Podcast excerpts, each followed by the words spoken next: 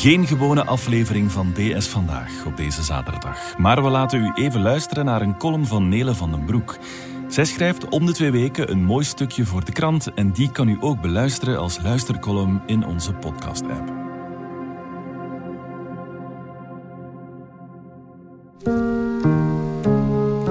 Je hoeft maar naar het nieuws te kijken, zeker deze dagen, om te beseffen hoe goed we het hier hebben in ons land.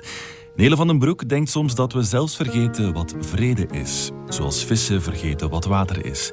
En natuurlijk gaat het hier soms mis, maar niet regelmatig. Niet zoals op andere plekken in de wereld. En ze hoopt dat het zo blijft, want deze column komt ook met een belangrijke waarschuwing.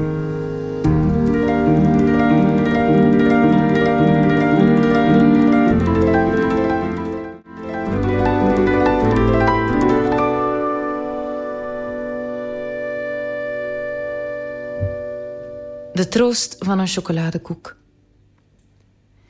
Het merendeel van de tijd vermoed ik dat ik jong zal sterven. Maar soms beeld ik mij in hoe ik honderd word. Het jaar is 2085. Ik ben nog bij zinnen. Laten we er even van uitgaan dat ik een achterkleinzoon heb. Hoe ik dat zonder kinderen heb klaargespeeld, weet ik niet precies, maar het staat u vrij uw verbeelding te gebruiken. Mijn achterkleinzoon ik noem hem hier Nelson, Neles zoon, want zo ijdel ben ik wel, kijkt met grote ogen naar een oude foto. Waar is dit? vraagt hij. Dat is Brussel, zeg ik. Dat was Brussel, verbeter ik mezelf. Lang geleden. Vroeger, toen oma jong was, woonde ze in een stad van wel een miljoen mensen. De hoofdstad van Europa. Haar gemeente heette Molenbeek. Ze woonde er in een eigen appartement, met eigendomsakte en al. Er stonden veel plantjes. De oorlog was ver weg. Geen oorlog? zegt Nelson verbaasd. Hij is tien, maar kent het woord goed. Inderdaad, antwoord ik. Wist je dat je bedovergrootouders zelfs nooit een oorlog hebben meegemaakt? Zij hebben een heel leven van vrede gekend. Hen noemden we babyboomers. Als kind was je oma er zo waar rotsvast van overtuigd dat er op de wereld geen veiligere plek dan België bestond. Ik dacht dat ons land te klein was voor rampspoed, dat het kwade oog van haat ons zou overslaan wegens de moeite niet. Op het nieuws zag ik hoe slechte dingen altijd in andere landen gebeurden. Dat sterkte me in mijn overtuiging. Brussel. Brussel had theaters en concertzalen en een opera. Je kon er nog echte bananen kopen. Er waren kerken, moskeeën, synagogen. Er werd een cursus Pilates gegeven op maandagochtenden in een Nederlandstalig gemeenschapscentrum.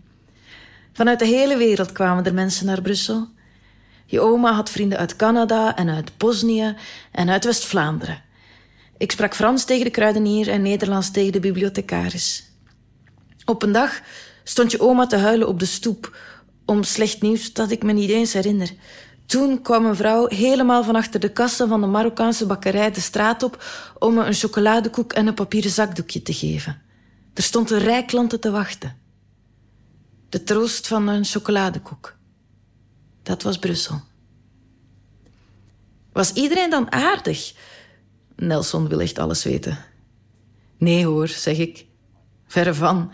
Ik had een overbuur die verschrikkelijk irritant was en op de tram zat altijd wel iemand naar een luide telefoon te luisteren. Maar we hadden het goed. We wisten niet hoe goed we het hadden. Wat gebeurde er? Oh, Nelson. Ik haal mijn schouders op, maar wik mijn woorden.